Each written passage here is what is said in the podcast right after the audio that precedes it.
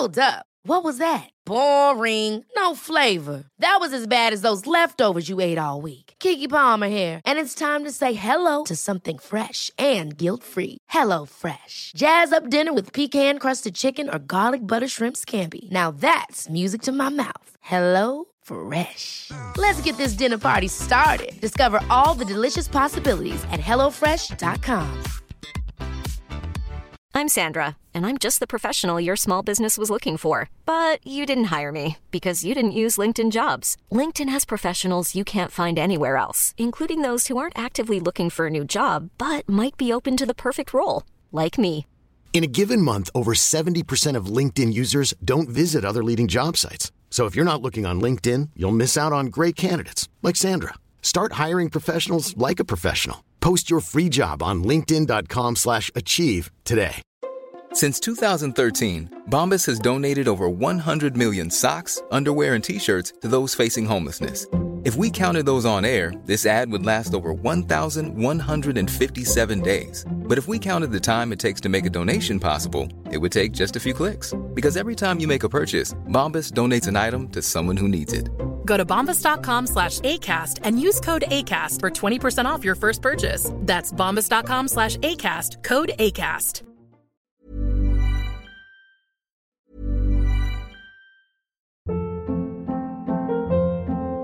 Hold up. What was that? Boring. No flavor. That was as bad as those leftovers you ate all week. Kiki Palmer here, and it's time to say hello to something fresh and guilt-free. Hello Fresh. Jazz up dinner with pecan-crusted chicken or garlic butter shrimp scampi. Now that's music to my mouth. Hello Fresh. Let's get this dinner party started. Discover all the delicious possibilities at hellofresh.com. I'm Sandra, and I'm just the professional your small business was looking for. But you didn't hire me because you didn't use LinkedIn jobs. LinkedIn has professionals you can't find anywhere else, including those who aren't actively looking for a new job but might be open to the perfect role, like me. In a given month, over 70% of LinkedIn users don't visit other leading job sites. So if you're not looking on LinkedIn, you'll miss out on great candidates like Sandra. Start hiring professionals like a professional. Post your free job on linkedin.com/achieve slash achieve today.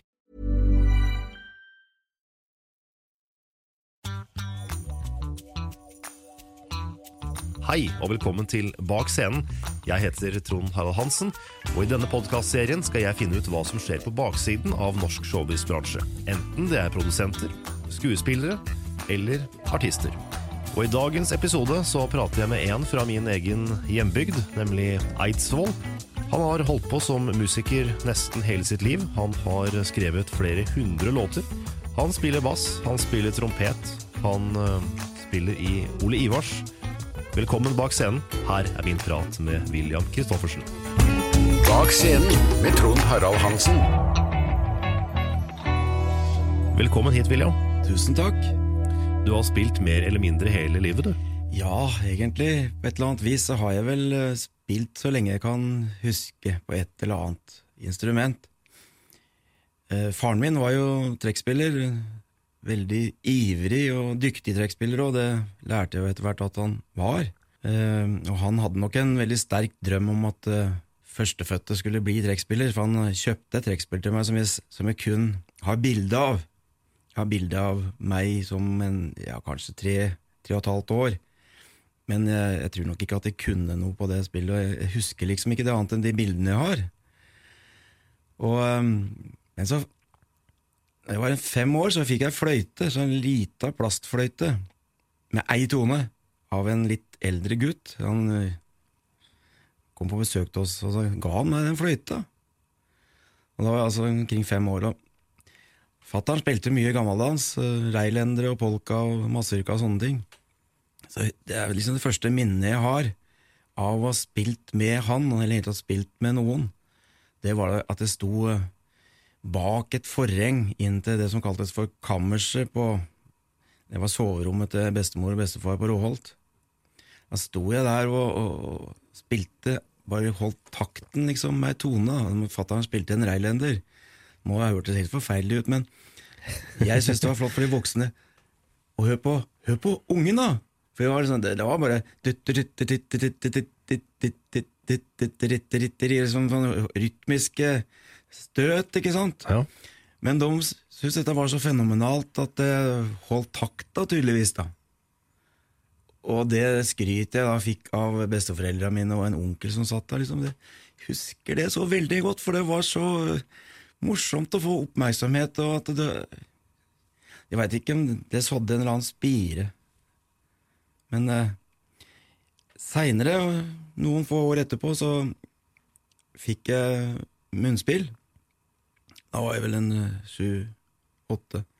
Far min hadde også spilt munnspill, det var, jeg husker veldig godt at han visste hva jeg skulle ha. Det var Honer Komet, og så var det noe til Honer Tango, og det var veldig fine munnspill. da.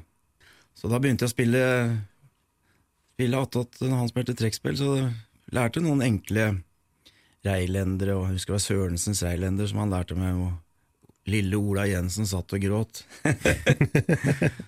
så jeg har, jeg har spilt sammen med, spilte sammen med han da, stadig da i barndommen. Så begynte jeg skolekorps. Da var jeg vel en ti år, Råholt skolekorps. Og det syns jeg var en heller veldig kjedelig periode, at du måtte begynne på aspirantkurs og uten å få noen instrumenter og bare leie noter. Og, Mm. men eh, Det var ikke noe gøy? nei, det syns jeg ikke var noe gøy, for vi fikk ikke spilt noen ting. Å nei. Men jeg har en sånn forferdelig opplevelse som er nesten sånn traumatisk eh, fra den perioden. Det, rett bortafor der vi hadde undervisning, det var da sjølve det klasserommet som man hadde korpsøvelse i. Så var det en eh, dirigent, Eidsvoll-dirigent som heter Leif Ranner den tida der. Han, han var ganske stram og bisk, og hadde respekt for han, da. Så jeg satt baki der, fikk lov å høre på når de øvde en, en dag. Så satt jeg bakerst bak alle som spilte, og så var vel ikke Ranner helt fornøyd med den måten de holdt ut ei tone på, for det var ujevnt og slutta ikke samtidig og alt det der. Så tegna en note, halvnote på tavla, Ja. så spurte han hvor lenge skal dere holde den tonen der? Ja, det visste jeg, men jeg sa ingenting med nervøshet. Og så var det en som rakte opp hånda altså. to slag, sa han. Det er riktig, sa Ranner. Og det var da jeg rakte opp hånda mi, da. Og så sa jeg jeg visste det, jeg, men jeg ville ikke si det. Det blei jo sånn latter av disse store unga, vet du. Og jeg blei jo så flau og skjønte jo hvor, hvor dum jeg hadde vært, på en måte. Så jeg har aldri glemt det der. Jeg visste det, jeg, men jeg ville ikke si det. Så eh, etter hvert så fikk jeg althorn. Det syns jeg var forferdelig kjedelig. Jeg skjønner jo det i dag hvor viktig althornet er i et korps, for det er jo etterslaga som liksom lager den fine rytmen i en marsj. Uten althorn etterpå, så liksom det, etterslaga, det, det er kjempeviktig, men det er dødsens kjedelig å spille i Det er ofte samme tonen i et halvt minutt, og så bytter du halv tone opp eller hel tone opp. og Veldig kjedelig. Og jeg sikla fælt på en trompet. Han Bestekameraten min, Terje Bekkedal, han spilte trompet, og jeg hadde spilt en del- på den hjemme hos han. Men det var ikke, var ikke plass for det akkurat da. da. Men så sa, sa han Ranner også at jeg ikke hadde trompetlepper. Ja vel. Så var det en dag som jeg visste at Ranner var på, på vei bortover korridoren, og da fikk jeg låne trompeten til Terje, og så spilte jeg noe som jeg kunne på den trompeten. Og det imponerte tydeligvis Ranner, for da gikk det ikke lenge før jeg da hadde fått trompet, eller kornet fikk jeg først da. Oh, ja. Det er omtrent det samme, bare litt kortere instrument å se på, litt mykere lyd. ja. Så det var, eh, det var i skolekorpset som jeg da fikk eh, som, det som var begynnelsen på utdannelsen, på en måte. Det er vel der veldig mange har starta. Så jeg lærte jo noter på et noenlunde greit vis, og, og jeg blei en brukbar trompetist eh, etter hvert. Kjøpte meg trompet for konfirmasjonspengene mine, og, og eh, begynte jo da, når jeg var en eh, 14-15 år, å spille sammen med faren min. Og han hadde da skrevet ned en del sånne enkle Evergreens-låter på melodinote som jeg kunne spille da attåt når han spilte trekkspill. Så dette dreiv vi en hel del med i stua hjemme. Mens da fattern holdt på med trio og kvartett og sånn, Christoffersens trio, det var Det var noe som het Tiger Boys i Eidsvoll, og han spilte rundt omkring mye i bygda. da. Så flytta vi til Mogreina en periode. Det var på omkring 1965. Da hadde Broren min han hadde fått en eh, kassegitar av bestemora mi oppe i Odalen. Jeg er født i Nord-Odalen, hjemme hos bestemor, og hun var eh, veldig snill og hjelpsom dame og skjønte vel et eller annet med talenter. Og Åge fikk en gitar, en Østbu kassegitar som han egentlig ikke hadde vært spesielt interessert i, men han hørte at fatter'n og jeg drev og spilte i stua, så henta han fram gitaren sin. Så begynte han å kompe. Kunne ikke noe grep, men han kompa sånn at han holdt takten, da. Ja, ja. Omtrent som eh, vispekomp på ei tromme. og da skjønte vi at dette hadde han virkelig draget på. Så fikk vi kjøpt en eh, forholdsvis fort eh, tak i en billig gitar borti Nannestad, til en Åge. Og så begynte vi tre å øve litt sammen da, mens vi bodde i Mogreina. Jeg spilte Tine Eriksen-låter på trompet. Han var jo sånn popstjerne den tida, vet du. Med Kjell Karlsens orkester. Lappland. Sånne låter som eh, det norske folk elska, og var, han var en veldig, veldig stor inspirasjonskilde for mange korpsmusikanter. Ja. Både, både unger og, og, og godt voksne. Så jeg spilte en del helt sånne pene soloer, og samtidig som fatter'n lærte meg å spille en hel del sånne eh, akkompagnementstoner, at du plukka ut de peneste tonene som stemte i, akkorden, i akkorden som han spilte på trekkspillet. Så med den konstellasjonen der, med faktisk trekkspill uten forsterker, bare trompet uten forsterker, og broren min på en eh, plankepopgitar, som det het den tida, en Kawai som kosta 150 kroner, med forsterker. Det var en båndoppdager, en Tandberg, som han eh, kunne bruke som forsterker. Sånn starta vi å spille 50 juledag på festiviteten på Eidsvoll Verk. Stilig. så denne tida der så var det faktisk veldig mange trioer og kvartetter rundt omkring i Norge som eh, holdt på med gammeldans og sånn eh, nygammelt og spilte på spilte på mye sånne småfester på lokale, som de kalte det. Og de- er det jo veldig mange av som står der en dag i dag, som ikke blir brukt til annet enn konfirmasjoner og brylluper stort sett nå. Det var trekkspill, gitar og bass veldig ofte. Og da, i og med at fatter'n spilte trekkspill og Åge gitar, så var det Jeg burde helst hatt en bass. Så dro inn til Im- Imerslund i Oslo. Hadde fryktelig lyst på en eh, Egentlig en sånn Paul McCartney Høfner felebass. Hadde veldig lyst på. det. Men den kosta 1100 kroner, og far min hadde ikke råd til å kjøpe det til meg, og jeg hadde ikke penger. Så er jeg på, hos Imerslund, der hadde de en sekstrengs. Det var i hvert fall Høfner, samme merke som Paul McCartney hadde. Om ikke annet. Om ikke annet. Så da fikk jeg kjøpt den til halv pris, og dro hjem igjen og begynte å øve. Fatter'n lærte meg da liksom, Han hadde jo grunnlaget på trekkspillbassen, så han fortalte åssen jeg skulle spille. Og to dager etterpå så hadde vi en nytt oppdrag på festiviteten på Eidsvoll Verk på nyttårsaften. Og jeg spilte et par låter. En, en jeg husker var Jevntgubben, en polka som Tore Skogman lagde.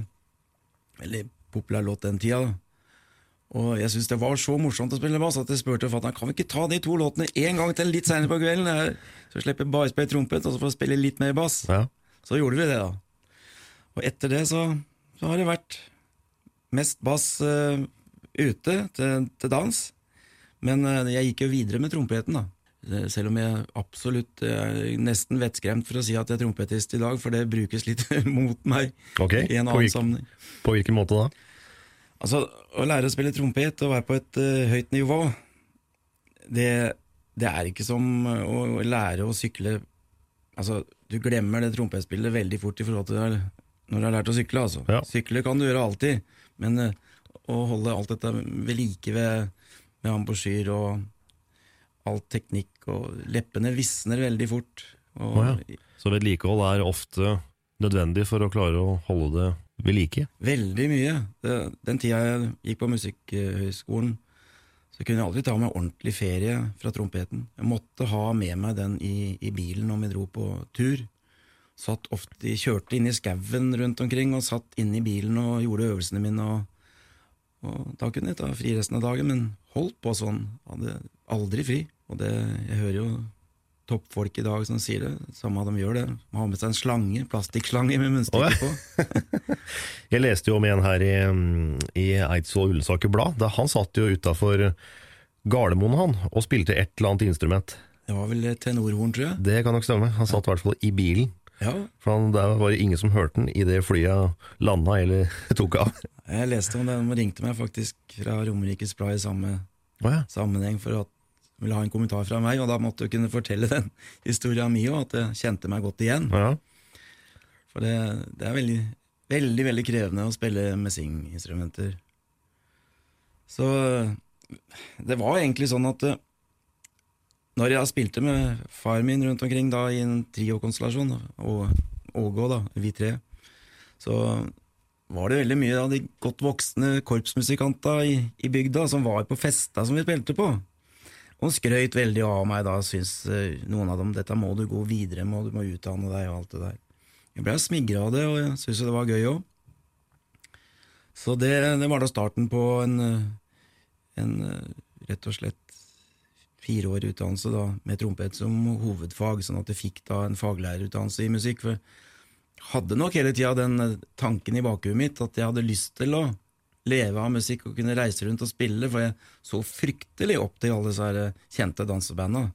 For det var, det var popband den tida der, og syntes det var tøft å se bussa deres, og jeg sto og så på, leste på LP-platene og så bildene av dem, og, og det gjaldt jo både de svenske og de norske. Ole Ivars inkludert. Men, eh, men jeg,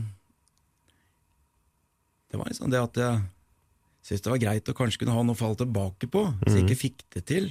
Så jeg hadde noen sånne tanker om det allerede da i, i, de, i hvert fall de siste tenåra. Hadde du noe håp om å spille i Olivars noen gang?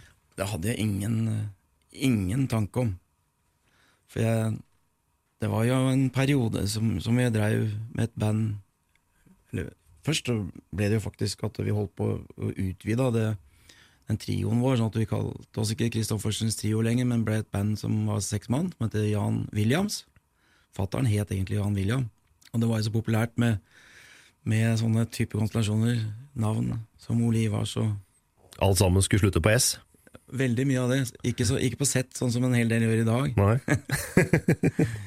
Nei, så det Jeg husker veldig mye fra den perioden der sånn som vi drev og kjempa hardt for å få noen til å bli interessert i oss.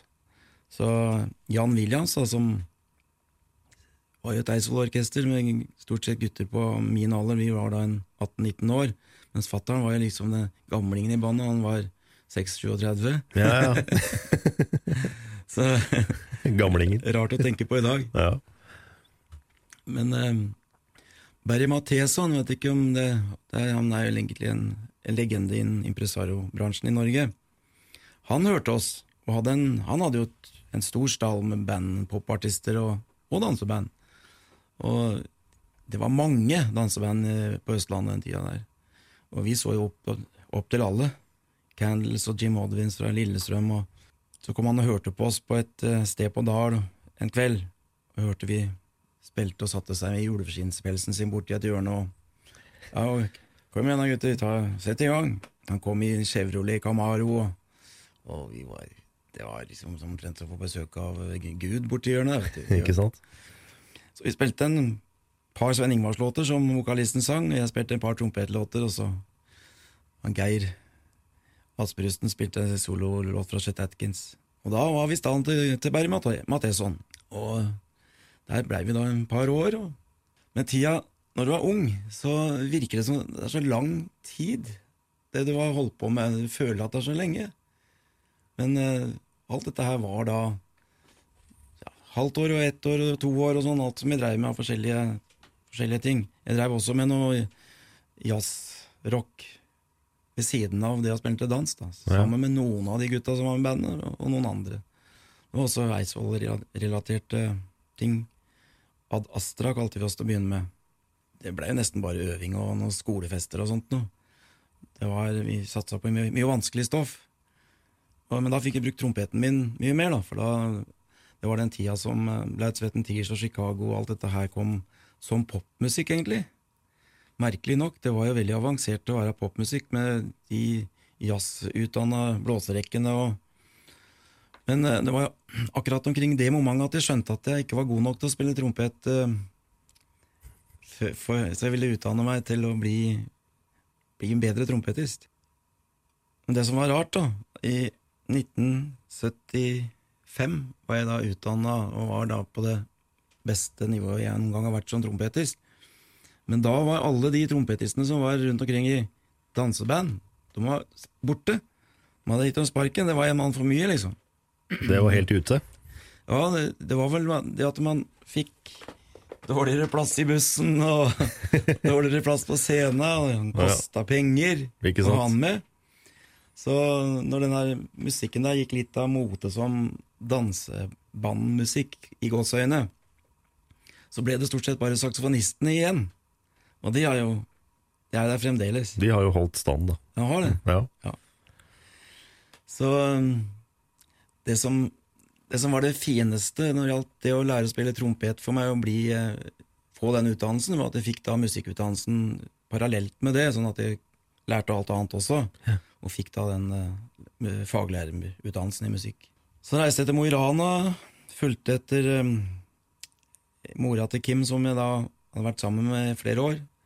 Kim er eldste gutten min, som ikke, han var ikke født ennå, så hun fikk uh, lærerskoleplass på Nesna lærerskole i Nordland. Og som nyutdanna da, så søkte jeg på rektorstillingen på Rana kommunale musikkskole, som da skulle starte da i 75. Og fikk da den jobben, da var jeg 23 år. Men eh, skole som hadde 300 elever og skulle starte helt fra bånn av. Ja, det, det var en utfordring, det, for det var på Mo ungdomsskole med to telefonlinjer. Det var en kjempestor stor ungdomsskole. To linjer, og jeg fikk da én pult borti et hjørne, og en, en blokk og en blyant. Og så en sånn gammeldags grå telefon med rulleskive på. Ja. Sånn. og så skulle jeg konkurrere da med å komme meg ut eh, i, sammen med alle lærerne og rektor og, og alle som skulle ut og, og på den linja. Så det var, det var, det var vanskelig. Det hørtes ut som et litt håpløst eh, opplegg. Det var det. Det var det. Men jeg fikk det til, altså. Jeg. Men det som var kjedelig med, oppi der, når jeg var der i Jeg var der fra 76-77. Da Da var det så lite folk å spille med. Så jeg spilte jo kanskje året jeg har spilt, spilt minst til dans. da. Det var et lite miljø. Lite miljø, og så var det sånn at uh, de som de som var unge, de så litt opp til den der rektorstillingen min. Kanskje litt, ble litt sånn avstand inntil jeg ble kjent med folk der oppe. Ikke sant? Så bodde jeg der aleine, og for Merete bodde da på Nesna. Og det var jo et svært fjell imellom, og det var vinter, og det var vanskelig å komme seg dit. Og så det ble et, jeg skrev brev hver dag hele året til slekt og venner i Eidsvoll. Liksom som en måte å snakke med dem på. Ikke sant? Få ut alt. Ja, for det måtte fortelle, da. Det ble selvsagt ganske enkle ting jeg skrev om, for det ble noe hver dag, men det varierte jo hvem jeg skrev til, da. Besteforeldre og onkler og tanter og nære venner. Ingen har fått så mange brev av meg, verken før eller etterpå. Stilig.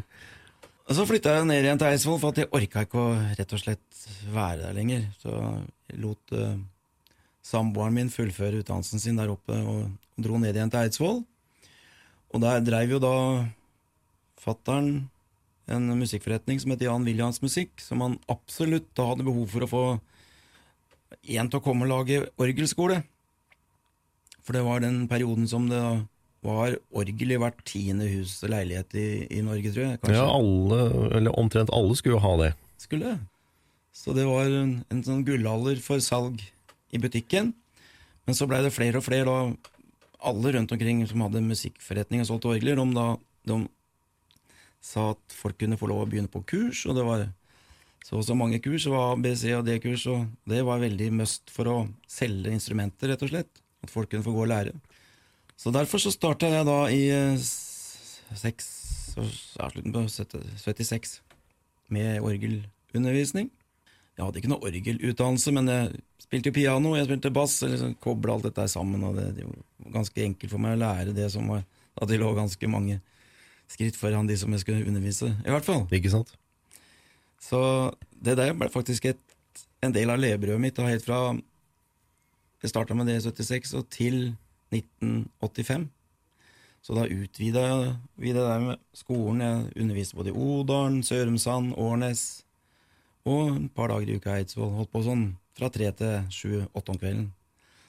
Så nå i dag så kommer det stadig folk bort til meg og forteller at de har gått på kurs. da. Oh, ja.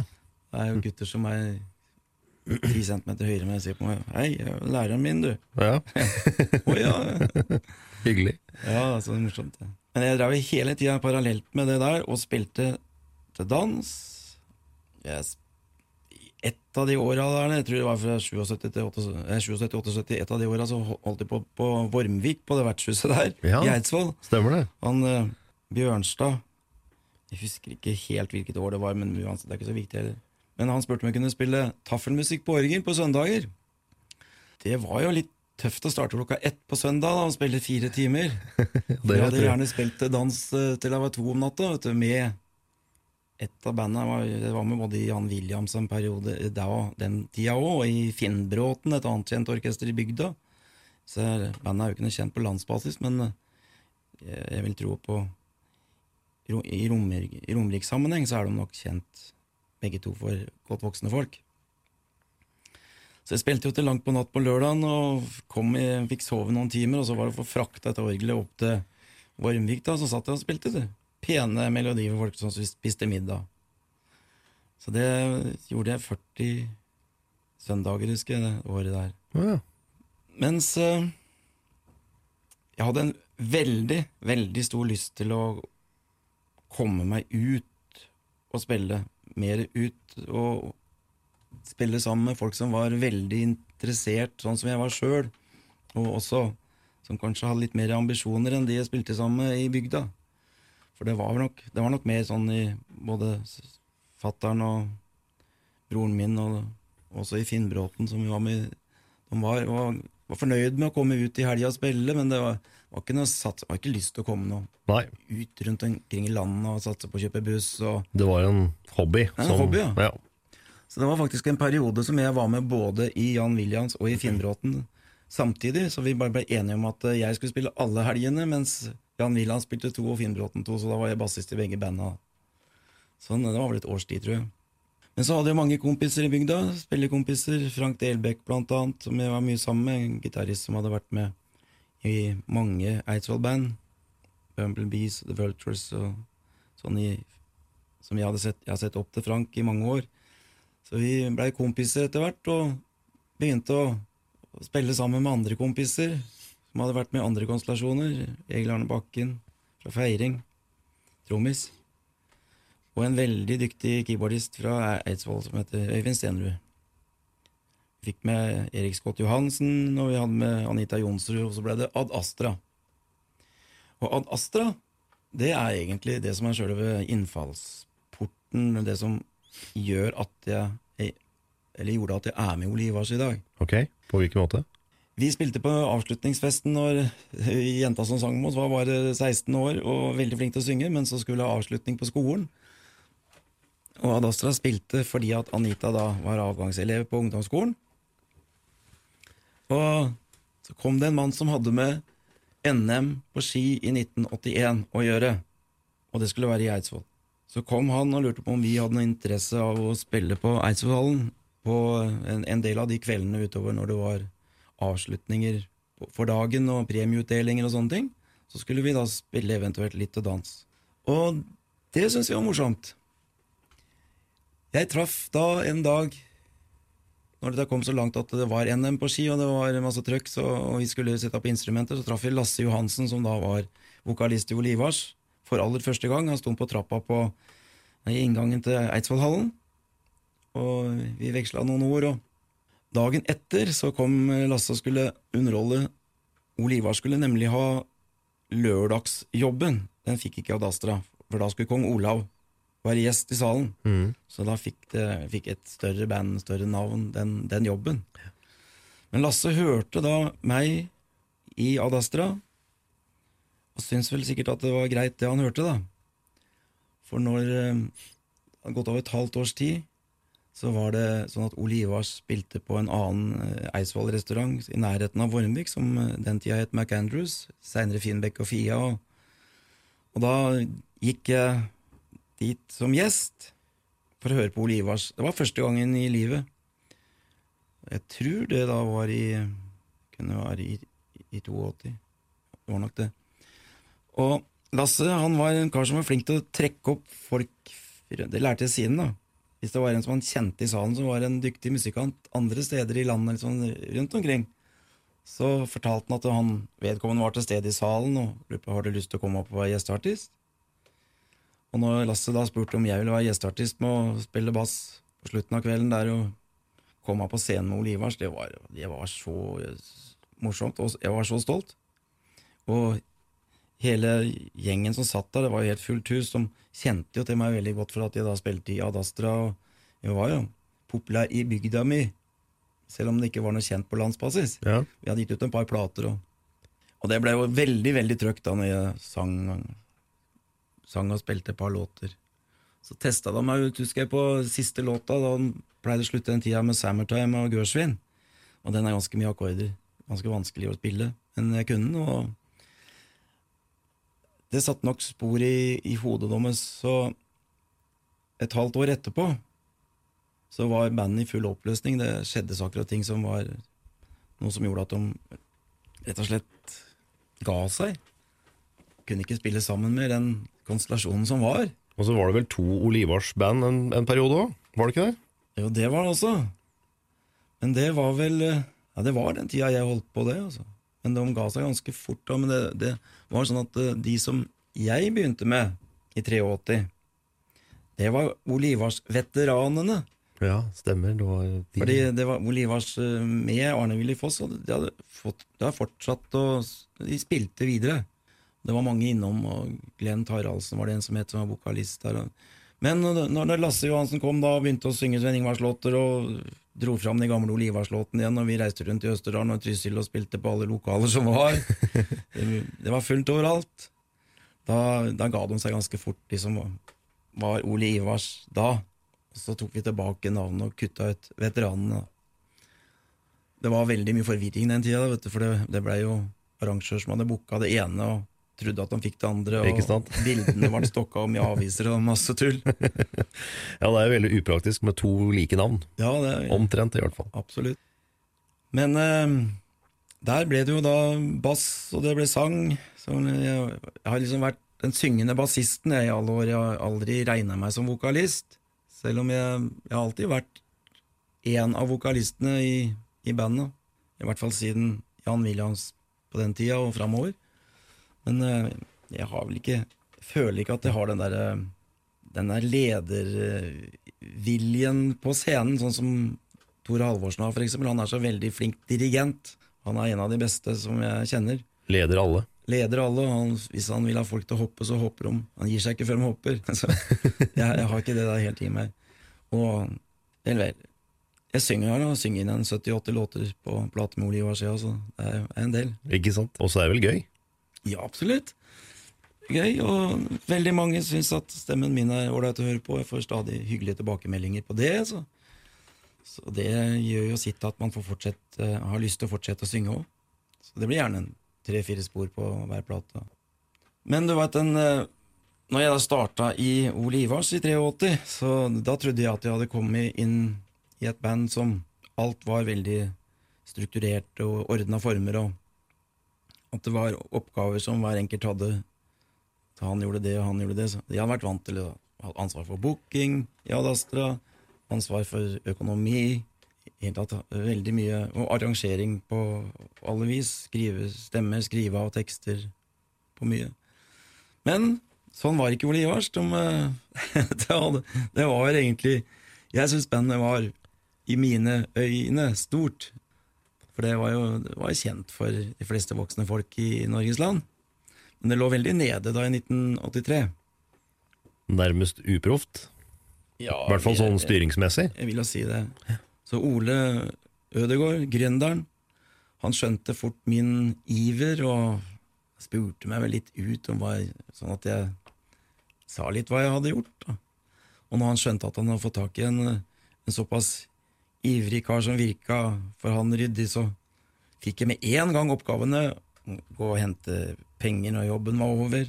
Det er ikke så farlig det, men det er ofte en sånn litt kjedelig jobb å sitte Nå er det ikke sånn lenger, men før så satt vi og telte hundrelapper, vet du, og måtte da sitte der og følge med og telle to ganger, og gikk jo gjerne ganske lang tid, men jeg fikk i hvert fall den oppgaven, og jeg fikk oppgaven å ta vare på penger og fordele penger til de andre. Alle regningene fikk jeg, og har hatt det siden. Var det her da etablert som firma, eller åssen er det man løste den delen der? Den tida var det ikke noe firma. Det eneste som Man hadde jo tatt patent på navnet han Ole, så det, Ole Ivars eh, Det var hans, men eh, det ble ikke noe firma før litt uh, utpå 80-tallet. Da noen fikk oss til å starte med et AS, og det fungerte egentlig veldig dårlig, så det, det la vi ned etter en to-tre år. Akkurat i det momentet hadde vi også som Ole gikk inn for, da, fått en egen label som vi kalte for Oliv. Så vi ga ut et par plater. I, de to første platene jeg var med på, den som het Jubileum i 1984 og Skolefri i 1986, det var da på egen, lab, egen label som het Oliv. Men denne perioden der solgte vi veldig lite plater. Det var, det var ingen eh, markedsføring, vi hadde ikke Én sånn, ting var å satse på egen label og gjøre det her sånn, men det blir Du må ha et distribusjonsapparat som funker. Det er veldig, veldig viktig. Men de finnes både på MC og på LP? Det gjør de, men og i dag så er de også på CD, for det har Tylden og Co. gjort og gitt ut i etterkant. For det å finne dem i dag på platesjapper og sånn, i hvert fall hvis du skal ha tak i LP-en, da, det er umulig. Jeg vil nok tro det at Det er relativt umulig. Jeg har i hvert fall ikke lykkes enda. Nei, jeg har ikke sett etter det, men jeg har eh, vært Mens jeg bodde i Oslo for en del år tilbake, så gikk jeg en del på noe antikvariat og fant et eller annet sånn samlerobjekt, men det var oftest noe Ole som var på noen samleplater med andre danseband. Men det er nok, kan nok være riktig. Det er nok mange som begynte å samle på det vi har gjort. For det begynner å bli mye etter hvert, vet du. Ja, Så i alle slags formater. Så jeg skjønner det at det kan være enkelte som virkelig går inn for den oppgaven å få alt Ole Ivars har gjort. Og da har de en jobb å gjøre. absolutt. Det har de da. Men det, det var jo Lasse Johansen, han eh, skjønte at jeg hadde noen kvaliteter som låtskriver. Jeg hadde jo skrevet en del av låtene i Ad Astra. Og vi hadde kjørt av veien i 27. mai i 83. Kjørte av veien ved Noresund og smadra bussen. Og Tom Rune Finnbråten, som slo trommer han brakk armen, så vi var helt satt ut av spill. Og eh, vi hadde da holdt på i studio og skulle lage en ny plate. Og ei av låtene vi gjorde, den het Seks mann i et danseband. Og den kom faktisk ut på en vinylsingel. Den eh, trommeslageren vår, han var, var med og miksa, så han, han eh, miksa så trommene lå som solo, liksom, så sangen lå bak trommene. Så det var elendig miksa. Forferdelig dårlig singel. Men god nok til at Lasse Johansen syntes at dette her var en fin låt. Ja, Så det ble faktisk min eh, desidert første Jeg må kunne kalle det hitlåt, for det jeg hadde aldri vært på Norsktoppen med noen låt. Og Noe Livar skal ut den der på første plata jeg var, med på, som Lasse da sang, så kom vi på Norsktoppen i 1985 og på, på førsteplass med fem mann i et dansemann, For vi var bare fem, så vi Det var, det var rett og slett en, en veldig stor seier for meg. det vil jeg tro. Det må jo være en skikkelig godfølelse. Det, det ga meg jo veldig inspirasjon, det at det, det skjedde positive ting da, med låter. Og, og jeg fortsatte jo med det hele tida, skrive låter. Øh, på den andre plata jeg var med på, så skrev jeg vel ni Det var ikke mer enn elleve låter på en plate, husker jeg. Da skrev jeg ni av dem, og så én norsk tekst og ei spansk låt. Så blei det mer og mer. Eh, Ole kom jo med en del låter som han hadde Det var sånn før i tida vet du, at de tok de fine poplåtene og lagde norske tekster til. Så jeg fikk jo en del sånne oppgaver òg, men jeg skrev hele tida mye sjøl. Fordi jeg syntes det var gøy. Og, og Lasse han var veldig pådriver til å bruke mine ting. Uh, Riktignok så var det sånn at han var ikke så veldig glad i å spille ute. Noe som kom litt, kanskje litt konflikt mellom han og meg etter hvert. Fordi at jeg mente at eh, det var lurt å spille en del av det du hadde gjort på de nye platene ute. Absolutt. Men han mente at den var ikke kjent. Så da, så fort som det ble mye folk i salen, så ville han heller spille Sven Ingvars og 10 000 røde Rosor. Men eh, han slutta, han da. Brått og fort og gæli, i 1988. Så Lasse og jeg vi spilte sammen i fem år i Olivars. Ja, for han slutta nærmest over eh, natta, han. Han hadde en periode som han eh, ble kristen, veldig kristen, og kunne ikke spille mer til dans. Så det jeg var på ferie i utlandet, har kjørt bil og vært borte i tre-fire uker, og så skulle vi på turné. Planlagt turné, hadde bare en dag imellom etter at de kom hjem. Jeg kom hjem til Råholt, eh, der bilen min sto, jeg hadde hatt leiebil og skulle hente min egen bil hos fattern. Så sier han til meg at nå må du, nå må du sette deg ned, William. Jeg trodde nesten at det var dødsfall i familien. jeg vet du. Men han fortalte meg at Lasse Johansen hadde blitt religiøs. Da begynte bare å le.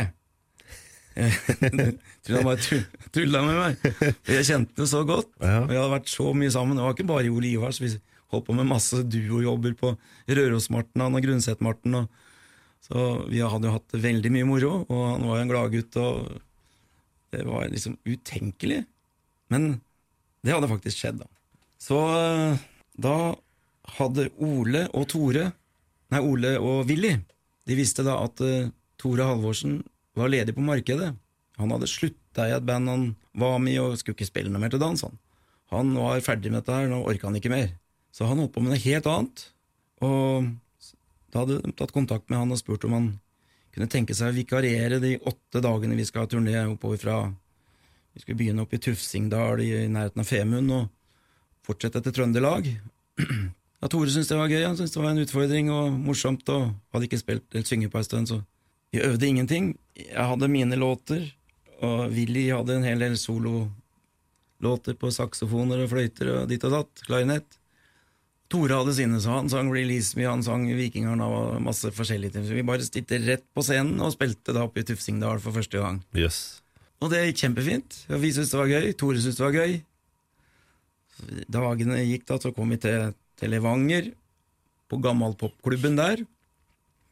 Og der ble det tatt eh, opptak av hele kvelden med oss. Og da hadde vi på forhånd, vi andre fire i bandet hadde snakka sammen, skal vi spørre Tore om han vil bli med oss fast, eller? Det ble vi enige om. Ja, dette syns vi funka så bra at eh, så da har han det på tape at jeg da stiller det spørsmålet over mikrofonen, da, vet, om han da nesten som vil gifte deg med meg? og han sa ja. Stilig. Så det er morsomt, da. Mm. Siden har han vært med. Men det begynner å bli en del år, det òg. Han starta i 1988, og um, da var jo vi 25 år som danseband året etter. Så den første plata som han var med på, det var Jubileumssving, og den, eh, den sang vel vi like mye på, begge to, så han hadde liksom ikke kommet sånn og tatt så stor plass som vokalist enda da som han gjør i dag. Stor plass i, i positive gåseøyne. Så det, jeg husker godt at vi hadde, hadde noe rart som skjedde med Skulle være med på Kasino, som Halla Flatland da hadde kjempesuksess med. Og så hadde vi ei låt som heter Helgefest, som en Tore synger, som vi hadde kommet på, på Hedmarkstoppen med, på førsteplass der. Så skulle vi på Kasino, da. Da hadde vi selvsagt veldig lyst til å framføre den, men det fikk vi ikke lov til. Fordi at uh, Flatland, han er totalavholdsmann. Å ja. ja. Nei, da passer ikke den låta der. Ta seg en dram, det er inga skam, ikke sant? Du, vi kunne ikke begynne å synge det på kasino. Ta seg en dram, det er inga skam. Det, det. Så det, nei, det fikk ikke lov. Så da blei det igjen kun et par fartlåter. Mente, vi mente at vi burde, burde ta noe med fart i, ja. Så da, da var det jeg som sang de to fartlåtene på kasino, og Tor sto bak og spilte gitar. Det var litt spesielt. Ja. Det ville ikke skjedd i dag. Nei, nei, nei. Ellers så har det jo egentlig bare gått sakte, men sikkert framover. Det må jeg vel bare si at det, det har ikke Det er vel veldig fint for oss at det har gått sakte. Da har vi klart å beholde posisjonen vår, og vi har hatt jobb alle sammen. Vi har, vi har at det ikke har vært noe sånn blaff som bare, bare forsvinner. Sånn som det er med en hel del andre popartister. Og. Så um, Og så har vel Ole Ivars blitt mer stabilt enn det det var, med inn og ut nye medlemmer, men nå har liksom vært samme gjengen i 28 år snart. Ja da. Vi hadde jo en, eh, en og annen gang en studiomusiker som vi leide inn, som spilte noe sologitar, for det, vi hadde ikke noen sologitarist. Så i, nok en gang i gåseøynene så var Willy Foss vår sologitarist, og han spilte alle disse blåseinstrumentene som han da gjør i dag òg. Så det, alltid når jeg skrev arrangement til platene våre, så var det mest med tanke på Willys instrumenter, både introer og soloer og alt. Fordi at det kunne variere mye, mann. Men vi måtte jo ha med en gitarist innimellom som kunne gjøre et eller annet uh, riff, eller noe fin solo, fin uh, intro. Så Bjørn Elvestad, som uh, da spilte i Torry Engs, han brukte vi ganske mye, og han er sånn Han er jo med i bandet i dag.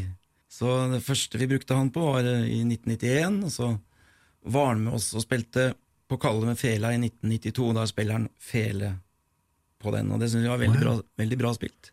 Og akkurat den, den låta ble jo, den ble jo en, nesten en sånn slags form for revolusjon i repertoaret vårt. Vi skjønner vel kanskje ikke den dag i dag hva som er så helt spesielt, men jeg følte kanskje før, før den tida, før 1992, da hadde vi kanskje følt at vi var mer en, en jukebox. Folk var vant til at det kom mye folk de to Livar spilte, men de var ikke nødvendigvis så veldig interessert at de sto foran scenen og, og digga. Det skulle bare være lyden. Fest, lyd, moro. Og der vi var, var det mye folk, og det var det viktigste. Men så kom Kalle med fela. Det var jo første låta vi ga ut på Tylden og co. da i 1992. Og da kom plutselig gutta med hår ned på ryggen og reiste seg opp fra bak i kafeen og fram til scenen, headbanging, og det var helt kjempestemning på den låta. Og, og, og sånn, eh, sånn er det fortsatt. Den er fremdeles en av de låtene vi må spille hver kveld, og det er alltid noen som spør etter den. Det må jo være utrolig hyggelig. Ja. Jeg husker Ole sa til meg du skriver bare én sånn sang i livet. sånn. Han tok heldigvis feil, men, eh, men i hvert fall den er en av de store, store som vi har.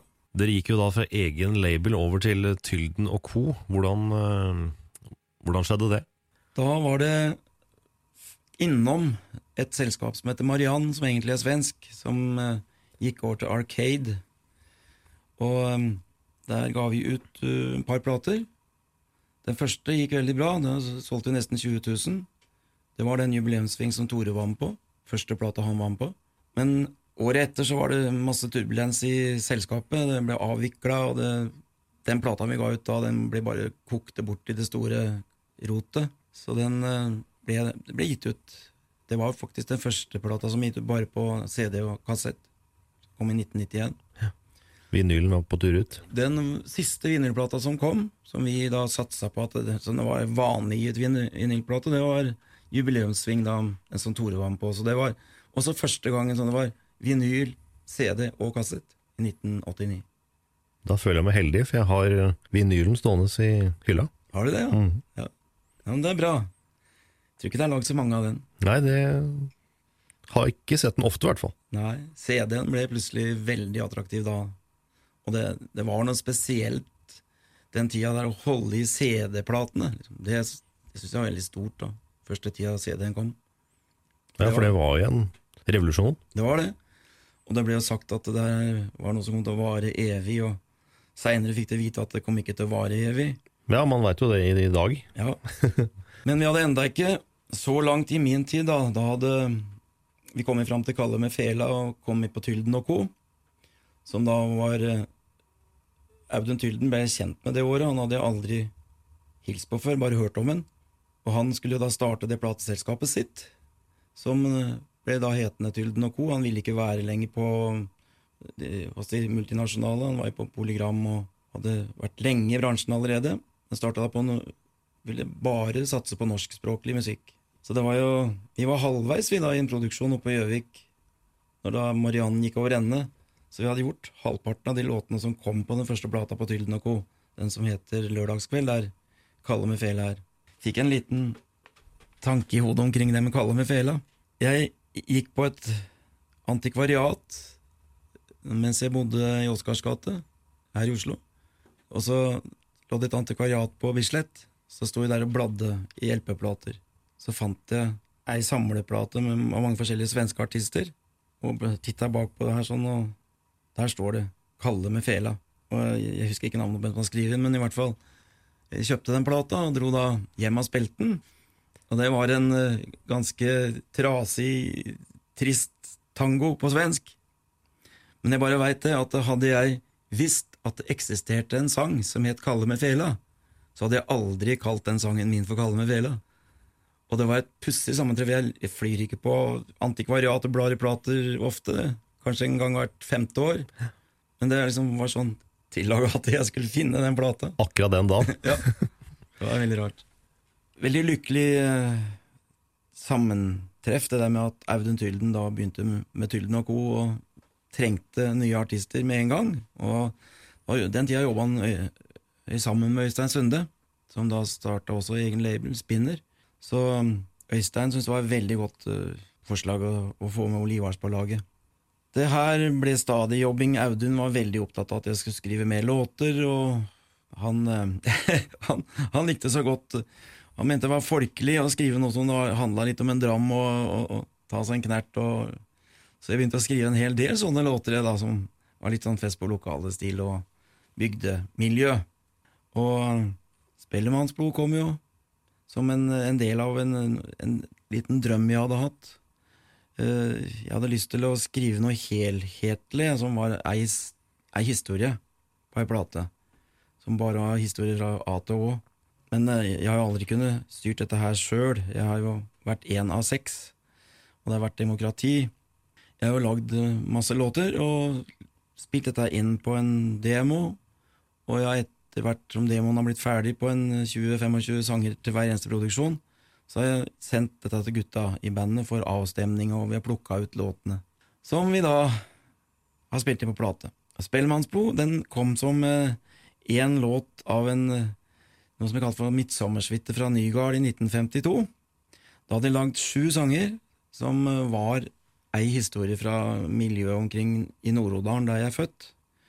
Var på en måte en hyllest til mora mi. Jeg syntes det var morsomt å bruke noen figurer jeg kjente oppi der, noen originaler. og Samtidig som jeg så for meg så bildene fra skauen der og dette lille huset oppe i skogen. Og liksom.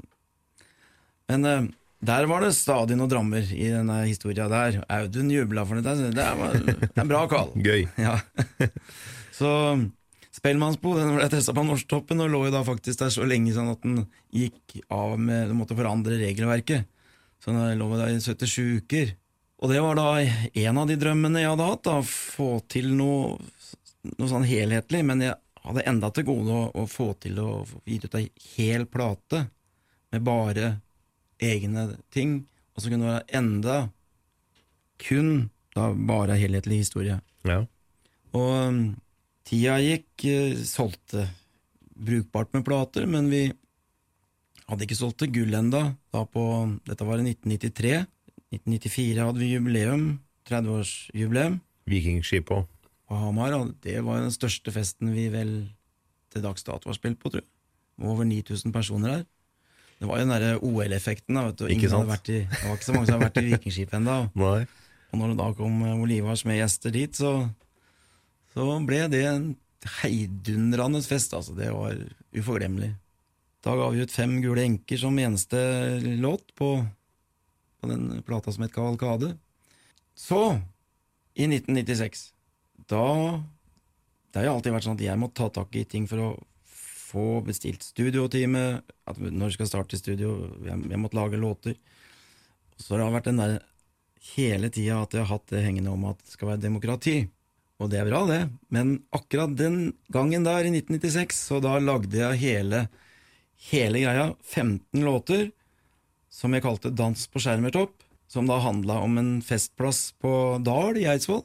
Og musikken på scenen, det var pappaen til Wenche Myhre, Kjell Jeg turte ikke å bruke Myhre-navnet, men Kjell i Skalatrioen, for Skalatrioen var hans.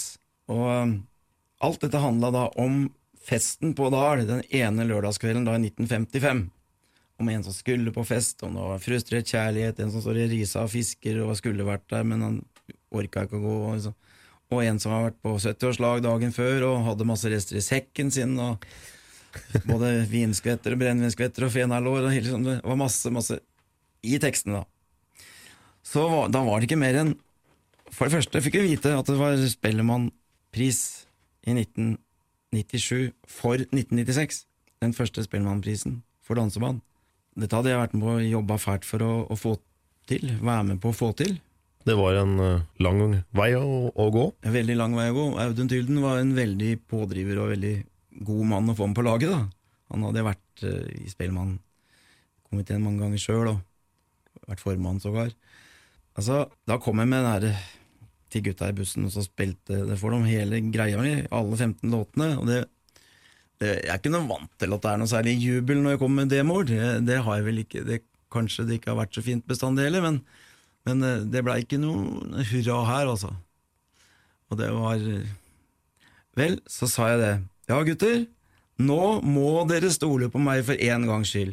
Hvis ikke vi spiller inn det her, så blir det ikke noe plate i år, og vi mister den muligheten til å være med på muligheten til å få den første Spellemannprisen for Hanseband. Ja, tenkte de vel på dette her en stund, og så, og så blei det til at vi begynte, da. Så da, den gangen ble det ikke demokrati.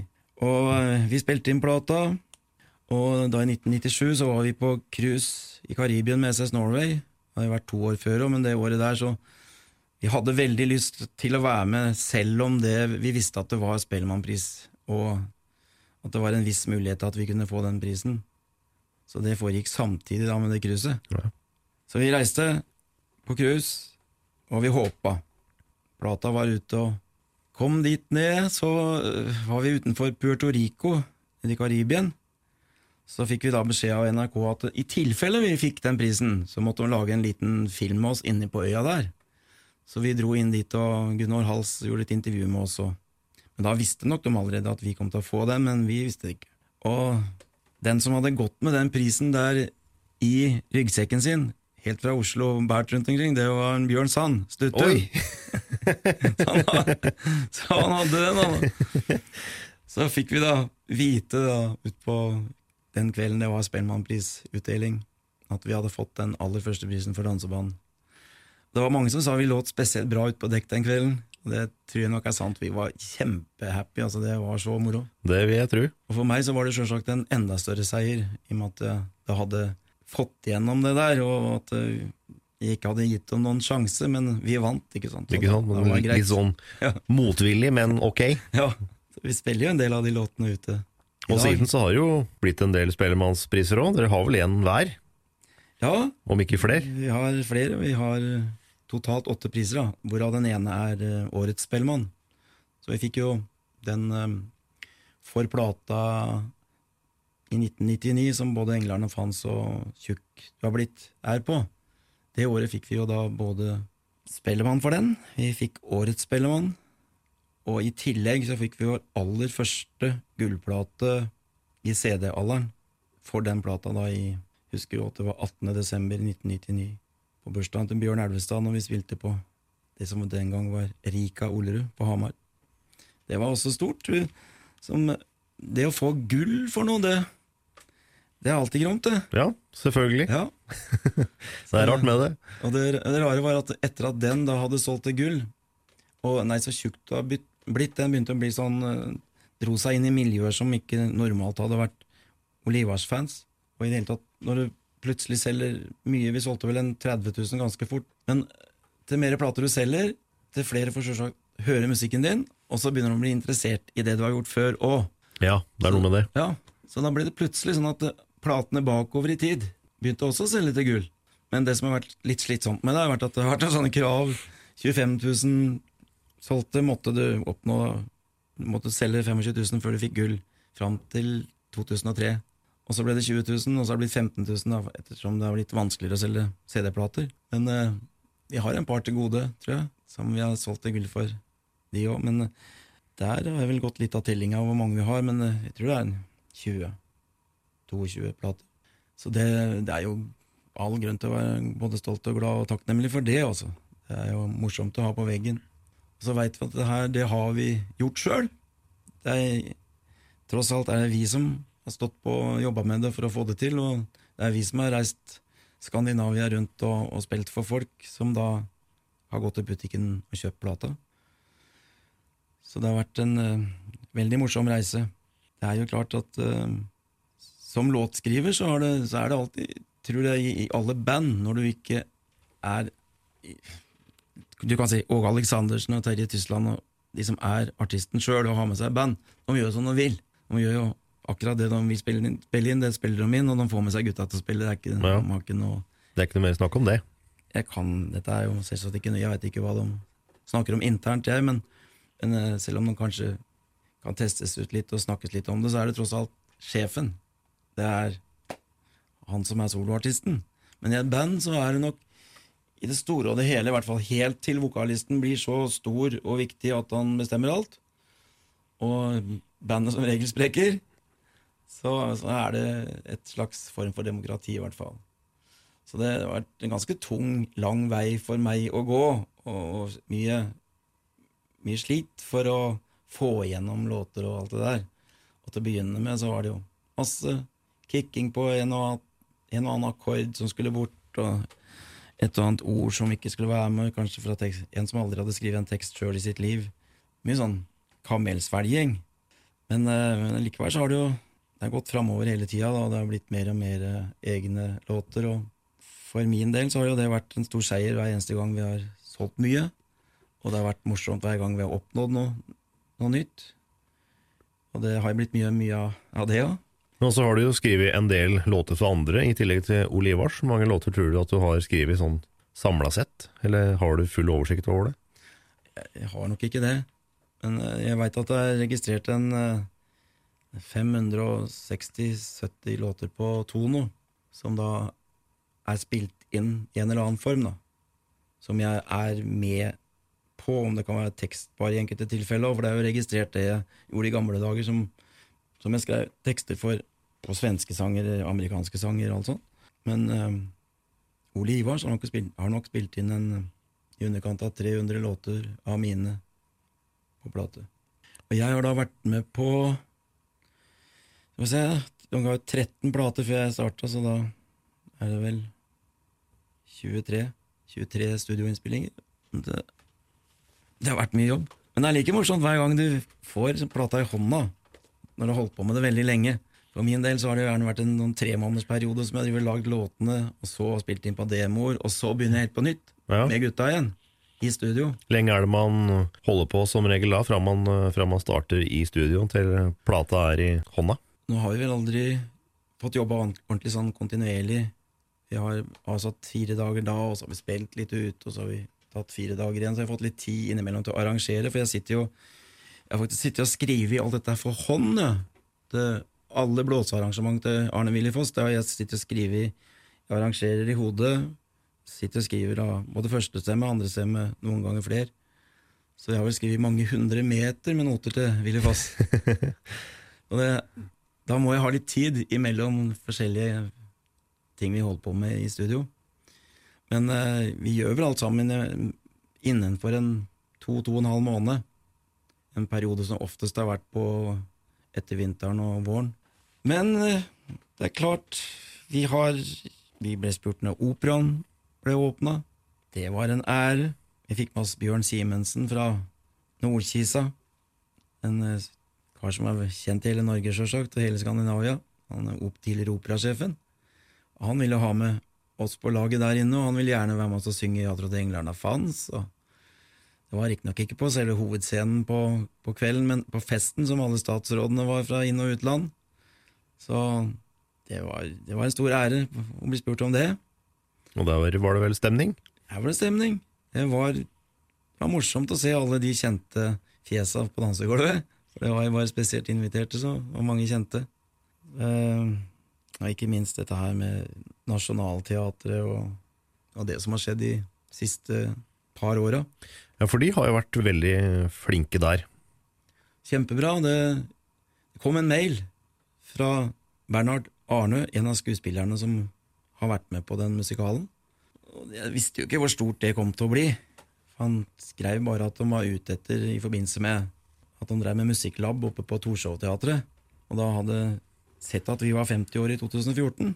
Og da syntes han det kunne være en god idé å gjøre noe med et band som hadde så mye stoff å ta av, og som holdt på så lenge. Og jeg kunne ikke si meg annet enn enig i det. Og, Selvfølgelig ikke. så, og da hadde jeg mange, veldig mange Oslo-turer og mange møter med, med folk fra Nationaltheatret. Da. Og det, det var interessant, for de var sånn veldig hadde veldig lyst til å lære og høre alt jeg fortalte om, om musikken min, tekstene mine, alt jeg hadde gjort for Olivas, og jeg skrev veldig mye til dem i etterkant, og det har hatt masse, masse samarbeid, som da resulterte først i Torshov-teatret, og en megasuksess. De solgte jo ut hver, hver eneste forestilling og måtte kjøre ny runde. og Etter hvert ble det Nationaltheatret, som vi Det hadde jeg aldri i mitt liv trodd at jeg skulle oppnå, og at musikken min skulle framføres på Nationaltheatret. Tekst og musikk, liksom. Det er, det, er en drøm som er helt umulig å tenke, det rett og slett, når det starter med et hovedtanke om å kunne reise rundt i Norge og leve av dansemusikk. For jeg hadde jo ikke egentlig tenkt på at jeg skulle bli låtskriver heller. Jeg begynte riktignok eh, å skrive noen låter på handelsskolen. og Kjeda omtrent vettet av meg, så satt jeg bak ryggen på klassekameraten min og, og, og, skrev litt tekster. Så vi øvde inn en par med Johan Williams også da mens jeg var, jeg var 18-19 år. Men jeg hadde ikke noen intensjoner noen ambisjoner i sånn retning. Det bare kom litt og litt av seg sjøl. Så derfor, å komme så langt med det som det der, det, det, er, det er, rett og slett nesten som det er en drøm som du er redd du skal våkne fra at det ikke er sant. Ja. Hva er det venner og familie, kollegaer, sier om det her, da? At dere er på Nationaltheatret med låtene? De, eh, jeg tror nok det at alle er veldig stolte av det. vi har jo veldig mange veldig, Familien og mange venner de har fulgt oss i alle år og støtta på alt som har vært interessant og artig. Vi har hatt julebordet på Hamar på det som i dag er Scandic Hva heter det? Scandic Ringsaker. Rika Ollerud. Det blir aldri annet enn Ollerud for oss. Så det er kommet 150 personer hvert eneste år som er en sånn klan som følger oss, og det er familie og venner. da. De har samme rom hvert år. og Det er riktignok slutt på det, men uh, disse folka de har jo vært med oss på forestillinger her på Nationaltheatret, og også på Eller først på Torshov, da, så Nationaltheatret. Og vi har jo skjønt at uh, de oppnådde akkurat det de håpa på. De ville gjerne ha Altså, Nationaltheatrets ledelse ønska å få folket som vi normalt har hatt som fans, til å komme til teatret. Og så vil de at teatrets eh, faste, de som gikk der til stadighet, kunne få lov å oppleve Olivar sin folkelige musikk da i teatret. Også på en helt annen måte. Ja. Så det har jo vært veldig, veldig bra på alle vis. En veldig flink musikalsk leder, han Simon Revolt, og arrangert dette flott. Og gode musikere, fantastiske på alle vis, både skuespillerne og så vi har vært på premierene på ja, tre runder nå, da. Både på Torshov og Nasjonal. Og det har jo gått så det har sust. Og vi har til og med spilt på Nationaltheatret på premieren to ganger. Og det, det er ganske ut, utenkelig for en del år tilbake at man skulle stå og spille oppi disse her eh, fornemme salene der med vår musikk der. Til konsert stappa fullt hus, akkurat som på en rockekonsert. Det har vært ordentlig moro. Så jeg vet ikke hvor det skal ende. Det eneste vi ikke har Vi har spilt for kongen, men vi har aldri spilt på Slottet. Da er det en vei å gå. Det er en vei å gå. Ja. men nå har jo Ole Ivars holdt på Dere hadde 50-årsjubileum for to år siden, så dere holdt på i 52 år. Jeg har det. Samla sett. Hva tenker du om veien videre? Nei, det, altså, ja, det er jo noen som har fått med seg at det, avisen har skrevet at uh, jeg ikke vil skrive mer for Ole Ivars. Og det er ikke helt sant. Jeg har ikke sagt det. Jeg har jo skrevet musikk etter det òg, jeg. Jeg har bare sagt at jeg har kanskje ikke noe sånn Jeg trenger en gulrot. Litt stor gulrot for at jeg skal gidde å gå på, for det har blitt, blitt så helt annerledes enn før. Det er ikke Vi solgte til gull før plata kom ut, i mange år. Og sånn som den siste plata vår, den har vel ikke solgt mer enn 10 000 eksemplarer. Og det for oss er det veldig lite, da, i, forhold, i forhold til alt vi Men det er jo Streamingen har kommet som et, et pluss, som man faktisk tjener vel en, en, del på det, men det bør jo gå i hop, dette her, og at du i hvert fall i det minste får dekket alle utgiftene dine når du skal jobbe mange mann i Ikke skal være minus i andre enden. Ja. Så, men jeg synes jo, jeg har jo sett at uh, streaming var jo helt forferdelig dårlig til å begynne med, men det begynner å bli noe bedre, da. For at våre folk har lært seg til å de som er litt mer voks, godt voksne, lært seg til å bruke tjenesten og mulighetene. Men det kan hende det kommer en plate til. Det er, det er stor mulighet til det, altså. Men så er det vel ikke mer enn kanskje et år eller halvannet siden vi fikk en plate forrige gang, så det er jo ikke så lenge siden heller. Nei da. Så vi gjorde jo ei låt i, i vår når vi fikk en forespørsel fra russen på Nordstrand. og og det syns jeg var en utfordring som var artig å ta. Liksom, at eh, jeg hadde fått, en, jeg hadde fått forespørselen flere ganger fra russ i Oslo-området. Mange år har vi, har blitt spurt både fra Bærum Oslo. Merkelig nok akkurat Bærum Oslo, men vi har aldri hatt tid, for da driver vi midt i våre egne produksjoner. Mm. Men nå hadde vi jo ikke det nå i år. Så da, da sa jeg ja, og gutta ble med på det. Og det var jo ordentlig moro. Det hadde, det hadde gøy en periode, både med, med det ene og det andre. Det tok jo helt av. Ja, det gjorde jo det. Ja, det gjorde det. Så det ble jo en sånn liten hit i russemiljøet, og smørebussen den ble populær. Så det, det var enda en, en, liten ny nisje som vi aldri har vært borti. Så det var gøy. Men for å prøve å knuse noen uh, myter, altså Holdt på å si en, en sånn uh, gjennomsnittlig Ole Ivars-publikummer. Åssen ser den ut? Er det ung, Ja, det gammal? er litt vanskelig å besvare det spørsmålet, for det, vi har jo Nå sa du jo gjennomsnittlig, men eh, vi har jo fans fra tre år og til 100.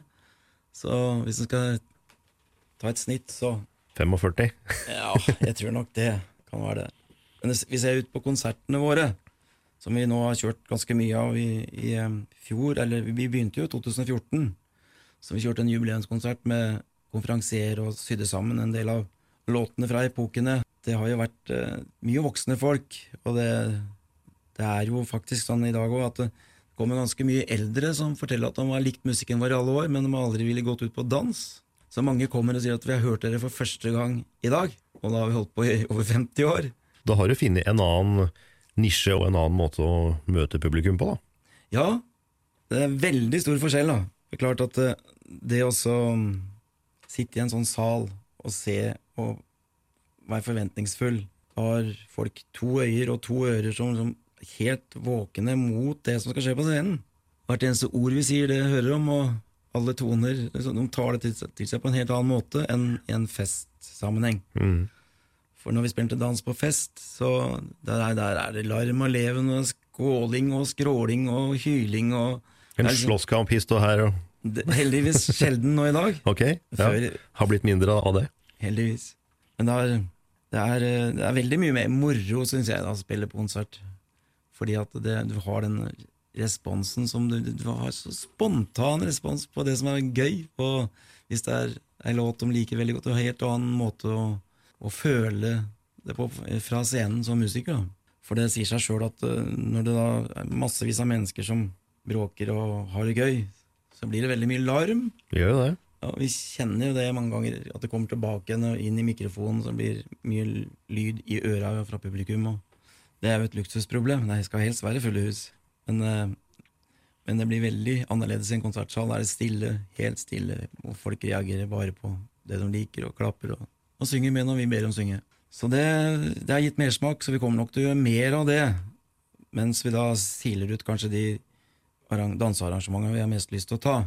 Men uh, tida framover, den jeg tror nok det mest avhenger av uh, helse.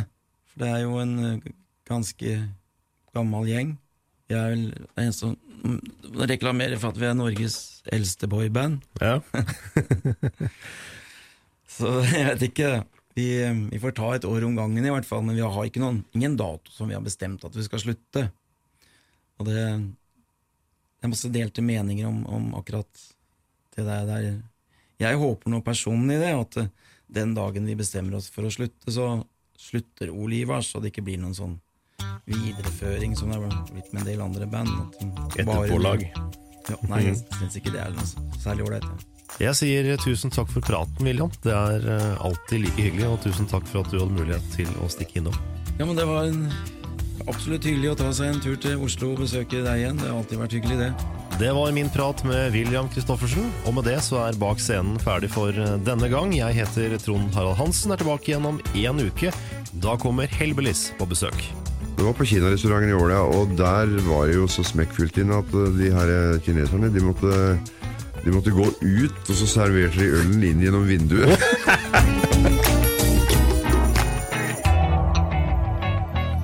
Du har hørt en podkast fra Radio Metro. Finn mer.